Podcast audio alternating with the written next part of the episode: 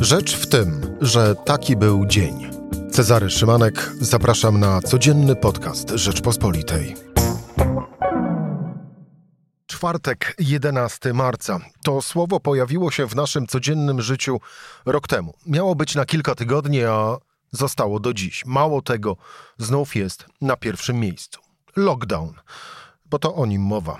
Narzędzie walki z pandemią koronawirusa, ale również przyczyna ogromnych kłopotów wielu przedsiębiorców. Rzecz w tym, że zapraszam Cezary Szymanek, a zapraszam na rozmowę. Moim gościem jest dziś Alfred Chłapowski, my jak mikroprzedsiębiorca, restaurator i współorganizator kooperatywy gastronomicznej knajp.pl. Witam serdecznie. Dzień dobry, panie redaktorze. E, wróćmy do tych wydarzeń rok temu. Pamięta pan e, ten e, dzień, czyli 11 dzień marca 2020 roku, gdy został ogłoszony pierwszy lockdown? Tak, tak, to pamiętam, e, pamiętam jak dziś. Z jednej strony wydaje się, że to minęła wieczność, a z drugiej też e, teraz jak na to patrzę, to ten rok e, przeleciał dosyć szybko, po prostu wiele się w międzyczasie wydarzyło. Pamiętam, że, że, że zaczęło się to od tego, zawsze wspominam ten moment, zadzwoniłem do mojego, do mojego kolegi, który prowadzi restaurację Ale Wino w Warszawie, do Tomka Czudowskiego, dosłownie dwa czy trzy dni przed, y, przed ogłoszeniem y, lockdownu, gdy już wiadomo było, że sytuacja z wirusem zaczyna nabierać tempa. Y, I tak chcieliśmy się po prostu, chciałem ja się w sumie z nim porozumieć, jakie on ma plany, jak on w ogóle zamierza radzić sobie z, z tą sytuacją, jaką ma strategię, żeby zapewnić bezpieczeństwo i komfort gościom. No i sobie tak pogadaliśmy, ale kompletnie żaden z nas się nie spodziewał, że trzy dni później zostanie wprowadzony lockdown w takiej formie, w jakiej był i w jakiej jest także obecnie. Więc no, wszystko się wówczas działo strasznie szybko, no ale niestety zostało z nami na dłużej. No właśnie, jaki był wtedy Pana stan biznesowy posiadania? E, jak wyglądała Pana wtedy biznesowa rzeczywistość? Mhm. No ja mam to nieszczęście, że e, że, że roz, rozszerzyłem moją działalność w 2019 roku, bo do, e, do tamtej, do, do, do 2019 roku prowadziłem e, cocktail bar Six Cocktails w Warszawie, a w połowie, w połowie roku pozyskałem inwestorów, założyłem nową spółkę i rozszerzyłem działalność także o gastronomię w formie restauracji i otworzyłem nowy lokal Mr. O na Powiślu który został otwarty w połowie listopada 2019 roku.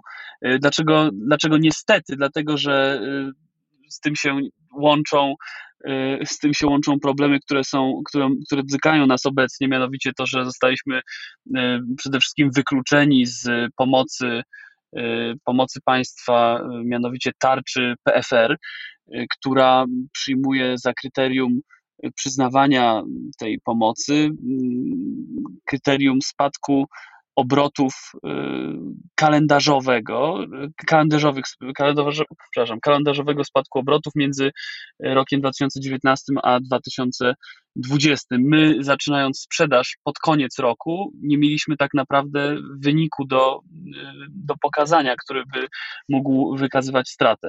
W związku z tym, niestety, cierpimy na tym dziś. No, wiadomo, że taka inwestycja wiązała się z z dosyć dużym y, zaangażowaniem też środków. Mm, ale przez cały 2020 rok y, trwaliśmy. Niestety nie udało się y, z uwagi na to, że nie dostaliśmy żadnej pomocy od państwa utrzymać tej restauracji dalej, więc w tej chwili jesteśmy w takim zamrożeniu od początku roku. Ale wróćmy jeszcze do owego 2020 roku, bo stan początkowy został określony e, przez, przez pana. No i y, mija te 12 y, miesięcy. Zadam pytanie wprost. Ile pan stracił na tym lockdownie? To się jeszcze okaże, y, ponieważ zależy, czy będę musiał całkowicie zamknąć tę działalność, co będzie się wiązało z ogłoszeniem upadłości spółki. Wówczas straty będzie można szacować w okolicach miliona złotych poniesionej inwestycji, przede wszystkim, która się nie zdążyła zwrócić, a także strat, które zostały poniesione w trakcie 2020 roku. No nie mówiąc o stratach wizerunkowych, które, które też polegają na tym, że ja jednak budowałem też jakiś czas swoją markę w tym rynku gastronomicznym. A kolejnym elementem jest, jest też no, istotna bardzo strata takich zasobów, choćby jak świetni ludzie, którzy ze mną współpracowali, y, którzy byli też już no, zgraną ekipą y, i prawdopodobnie nigdy nie wrócą do siebie w tym samym y, składzie. Więc no, straty są, można przeliczyć, ale dla mnie są oczywiście no, nieskończone w pewnym sensie. Niestety można było tego uniknąć. To jest, to jest najbardziej frustrujące chyba w tym wszystkim, bo gdyby ta pomoc państwowa też była. E, no właśnie. No. No właśnie, bo skoro, skoro mówimy o, mówi pan o tym, że można było tego uniknąć, e, to e, cofnijmy się teraz, e, no powiedzmy do maja 2020 roku, czyli lockdown trwa dłużej niż nam się wypowiadało, wydawało, gdy był wprowadzany.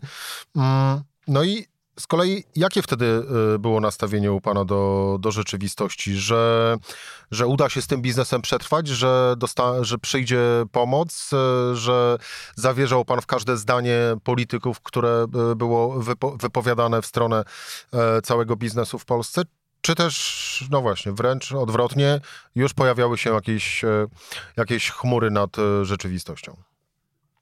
Jeśli chodzi o maj 2020 roku, to akurat był taki y, no, w sumie jedyny okres y, w trakcie tych ostatnich 12 miesięcy, który można powiedzieć, że był jakimś promyczkiem nadziei, bo to była, y, przypomnijmy, sytuacja, w której ten lockdown, który wówczas trwał nieco ponad dwa miesiące, został właśnie został zniesiony, czyli restauracje mogły ponownie się otworzyć przy zachowaniu tak zwanego reżimu sanitarnego, to co strasznie brzmi, ale, y, no, ale jakoś to funkcjonowało. Mm, no i zaczął się pewnego rodzaju też boom, można powiedzieć, no bo z uwagi na, na, na, na kryzys pandemiczny Polacy y, w dużej mierze spędzali też wakacje w kraju, co się przekładało to akurat nie na mój konkretnie biznes, ale na, zdaję sobie sprawę, że na bardzo dużo przedsiębiorstw w Polsce, czy to hoteli, czy restauracji w różnych y, miejscach, nazwijmy to wakacyjnych, no to one przeżywały prawdziwy boom i miały większe obłożenie i obroty niż, niż kiedykolwiek. Jeśli chodzi o mój biznes, który polega na y, restauracji prowadzonej w mieście, więc nie jest to jakby zbytnio turystyczne, zależne od turystyki miejsce, no to i tak byliśmy bardzo zadowoleni, bo, mm, no bo ten, ten, te obroty, pomimo reżimu sanitarnego, były y, satysfakcjonujące na tyle, żeby, y, no żeby wciąż tę działalność prowadzić. Y, z jeszcze innej strony wydawało się, że tutaj można zacytować słowa premiera z bodajże z, z, lipca, że wirus jest już w odwrocie. Akurat wtedy nikt w to do końca nie wierzył, no ale był to rzeczywiście taki trochę hura optymistyczny moment, kiedy wydawało nam się, że sytuacja jest opanowana, a na pewno nie wydawało nam się, nie mieliśmy pojęcia, że możemy wpaść w, w dużo gorsze kłopoty, mianowicie pięciomiesięczny lockdown, z którym mamy do czynienia w tej chwili. Więc rzeczywiście było to widmo tej drugiej fali, już nie mówię o trzeciej, ale tej drugiej, która się miała pojawić jesienią, no i z nią y, borykamy się niestety do dziś. Tego nikt nie przewidywał wówczas. Bardziej tak naprawdę y, tak próbowałem nawiązać y, mm, do, do tych wszystkich obietnic pomocy, wszystkich tarcz antykryzysowych, wszystkich tarcz finansowych. Czy Patrząc teraz na to e, wszystko z perspektywy, z perspektywy czasu, e, ja też zresztą słyszałem w wielu rozmowach z przedsiębiorcami takie e, stwierdzenia, że no, w sumie to jeżeli sobie coś mogą zarzucić, to, to to właśnie, że uwierzyli w te wszystkie słowa, słowa dotyczące pomocy. Pan ma podobnie?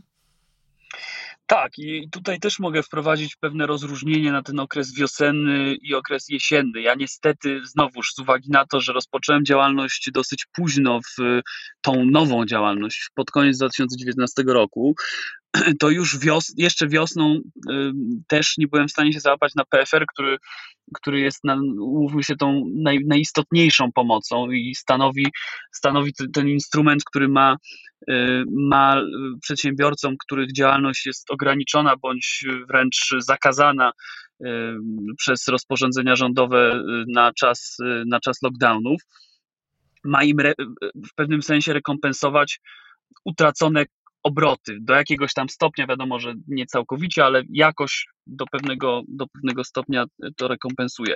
Myśmy wówczas już też się nie załapali na, na ten PFR z uwagi na pewne kryteria zatrudnienia. Jeszcze nie mieliśmy pracowników na umowach e, o pracę wówczas, ale e, jakby wciąż przymykałem na to, na to oko, bo no te dwa miesiące dało się jeszcze pokryć, nazwijmy to z własnej kieszeni, jeszcze jakieś tam oszczędności wówczas e, mieliśmy.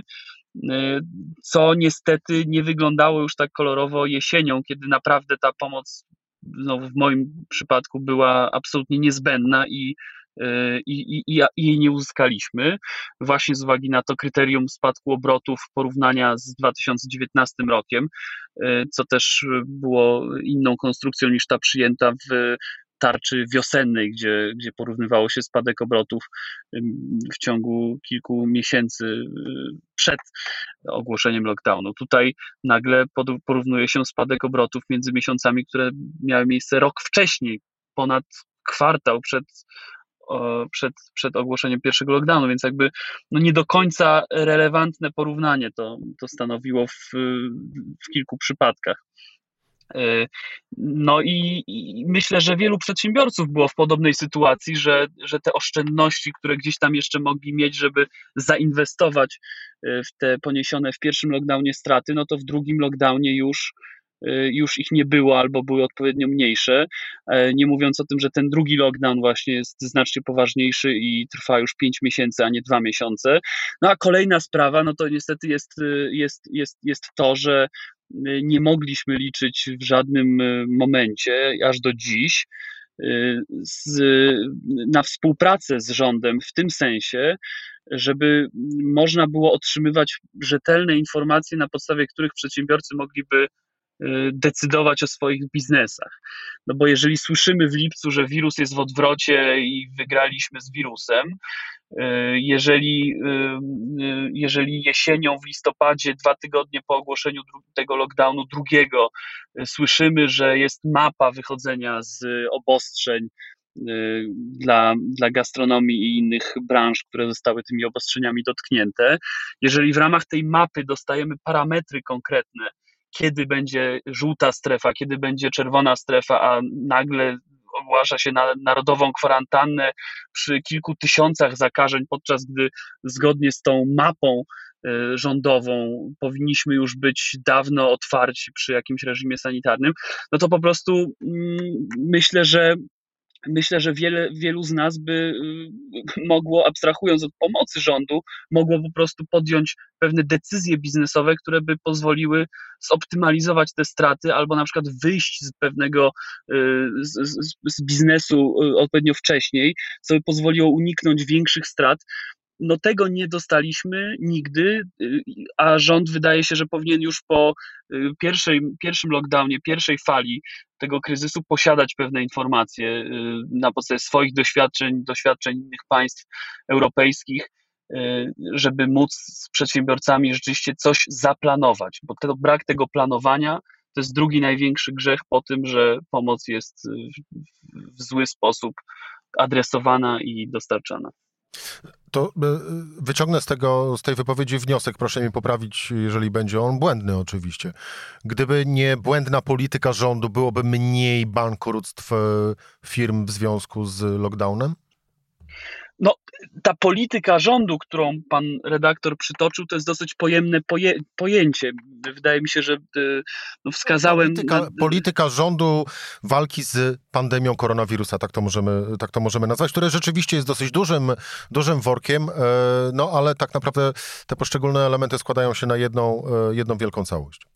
Więc jeśli chodzi o politykę rządu w walce z pandemią, to tutaj jednak się y, wstrzymam od, od wypowiedzi, bo no, nie jestem epidemiologiem i, i myślę, że to są, tu są eksperci, którzy y, tę politykę walki z koronawirusem będą w stanie lepiej y, ocenić. Natomiast ja mogę ocenić z własnego doświadczenia z pierwszej ręki jako przedsiębiorca w tej branży najbardziej dotkniętej przepisami o lockdownach i, ograniczeniami związanych związanymi z COVID-em, no to jest, jestem w stanie właśnie wskazać te dwa elementy polityki, mianowicie arbitralne przyznawanie pomocy, które by na pewno pomogło, gdyby było lepiej adresowane, pomogłoby zapobiec e, wielu problemom przedsiębiorców. Kolejna rzecz to jest szybkość reagowania też z tą pomocą, która w drugim lockdownie została ponad trzy miesiące po ogłoszeniu pierwszego Y, po, po, po ogłoszeniu tych obostrzeń pod koniec października zostały dopiero wprowadzone narzędzia, z których mogliśmy korzystać.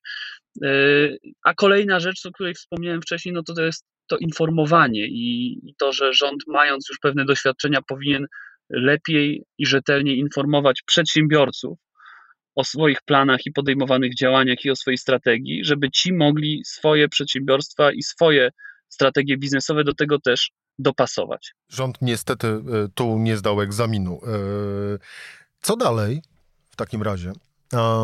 Biznes da się uratować, czy też, e, czy też koniec tej przygody? Pyta pan redaktor o mój konkretny przypadek, czy, czy no tak, biznes tak, cały? Nie, pytam na razie o ten konkretny, konkretny przypadek, no bo to jest, no właśnie, taki przykład z życia roku w lockdownie. Tak. No jeśli chodzi o, o, o moje, moją restaurację i bar Mr. O w Warszawie, to od początku tego roku pozostaje zamknięta. E, niestety działalność na wynos i dostawy, które prowadziliśmy e, z, z, wielką, no, z wielką energią, e, cały zespół też się bardzo w to angażował, by przetrwać. Niestety bez tej pomocy ze strony państwa nie byliśmy w stanie dalej pokrywać strat, które ta działalność przynosiła. Więc, y, więc póki co jesteśmy w takim zamrożeniu, można powiedzieć. Nie rezygnuję jeszcze, całkowicie nie składam broni. Być może, być może jak będziemy mieli już jakiś horyzont ponownego otwarcia, to, to będziemy w stanie pozyskać dodatkowe finansowanie i otworzyć się na nowo, już oczywiście po, po, po zniesieniu lockdownu. E, no ale znów tutaj jest dosyć duża niepewność, bo nie wiemy, kiedy, kiedy te restauracje będą mogły być otwarte, a jeżeli zostaną otwarte na przykład latem, to czy znowu nie zostaną zamknięte jesienią, tego nie wiemy, więc tutaj jest wciąż duża doza niepewności. Na szczęście jeszcze, e, jeszcze moja działalność w gastronomii się nie kończy na Mr. O, jeszcze, mm, jeszcze prowadzę, a właściwie wkrótce otwieram na nowo e, bubble tea shop, który się nazywa Misty i właśnie jestem w drodze do Krakowa, gdzie e, wkrótce e, pierwszy, pierwszy taki całoroczny lokal e, z tym bubble tea otworzymy. To będzie działalność wyłącznie na wynos, więc no, trzeba się jakoś dostosować do tego, do tych pandemicznych warunków. A jak pan rozmawia z kolegami po fachu, czyli z restauratorami, z ludźmi prowadzącymi różne biznesy w branży gastronomicznej, to co który z nich da sobie spokój z tym? Ciężko mi powiedzieć, co który dokładnie. Tutaj y, Izba Gospodarcza Gastronomii Polskiej szacuje, że co piąty restaurator y, zniknie z rynku po, po pandemii. Mm, no to są, mieliśmy bodajże 70 tysięcy firm, y, podmiotów, które się zajmowały branżą gastronomiczną przed pandemią. No i zobaczymy tak naprawdę, co nam, co nam pokażą wyniki w GUS-ie za pół roku, rok. E, to będzie, to będzie rzeczywiście bardzo, bardzo ciekawe, co, e, jak, jak duże żniwo przyniesie, przyniesie, przyniosą te lockdowny.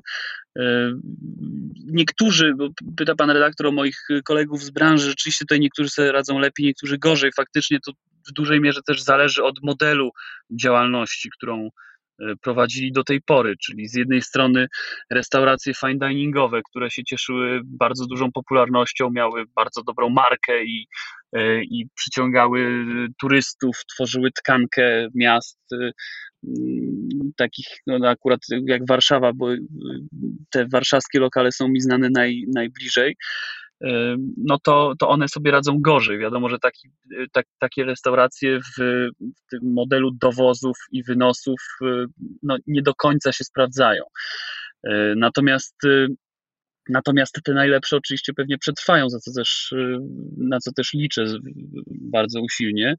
Y, natomiast też jest sporo restauracji, które sobie świetnie radzą, też nie zapominajmy o tym. To są głównie lokale takie, które już wcześniej były nastawione na wynosy i dowozy i, i po, prostu, y, po prostu tę swoją, tę swoją działalność mogły nawet rozszerzyć, no bo ludzie, ludzie siedząc w domach jednak e, też, e, też w dużej mierze nie mogą sobie pozwolić na codzienne zamawianie e, tych fine diningowych dań, więc do, koncentrują się pewnie na ofercie lunchowej, na, na, na daniach trochę może tańszych, trochę bardziej sycących, które, które zastępują im obiad w domu, a niekoniecznie niekoniecznie wypad na miasto, na kolację elegancką, y, czyli coś, czego nam już bardzo w tej chwili brakuje.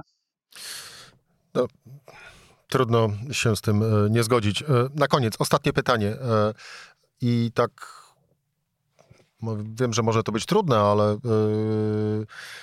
krótka odpowiedź, bo można sobie wyobrazić półgodzinny monolog, puszczając wodze wyobraźni. Mm, gdyby y, no, pojawiła się jakaś y, w ludzkim wymiarze e, złota rybka i zapytała mikroprzedsiębiorcę y, Alfreda Chłopowskiego-Myjaka o jakie życzenie mam panu spełnić, to jakie by to było? Żeby już wszyscy byli zaszczepieni i y, mogli, żebyśmy się mogli ponownie y, otworzyć. To jest takie jedno życzenie, które pewnie zawiera w sobie bardzo wiele y, mniejszych życzeń do spełnienia, ale, ale myślę, że sobie tego wiele osób życzy. Alfred Chłopowski-Myjak, mikroprzedsiębiorca, restaurator, współorganizator kooperatywy gastronomicznej Knajp.pl był moim gościem. Bardzo dziękuję za rozmowę. Bardzo dziękuję panie redaktorze. Cezary Szymanek, do usłyszenia po weekendzie to była rzecz w tym w czwartek.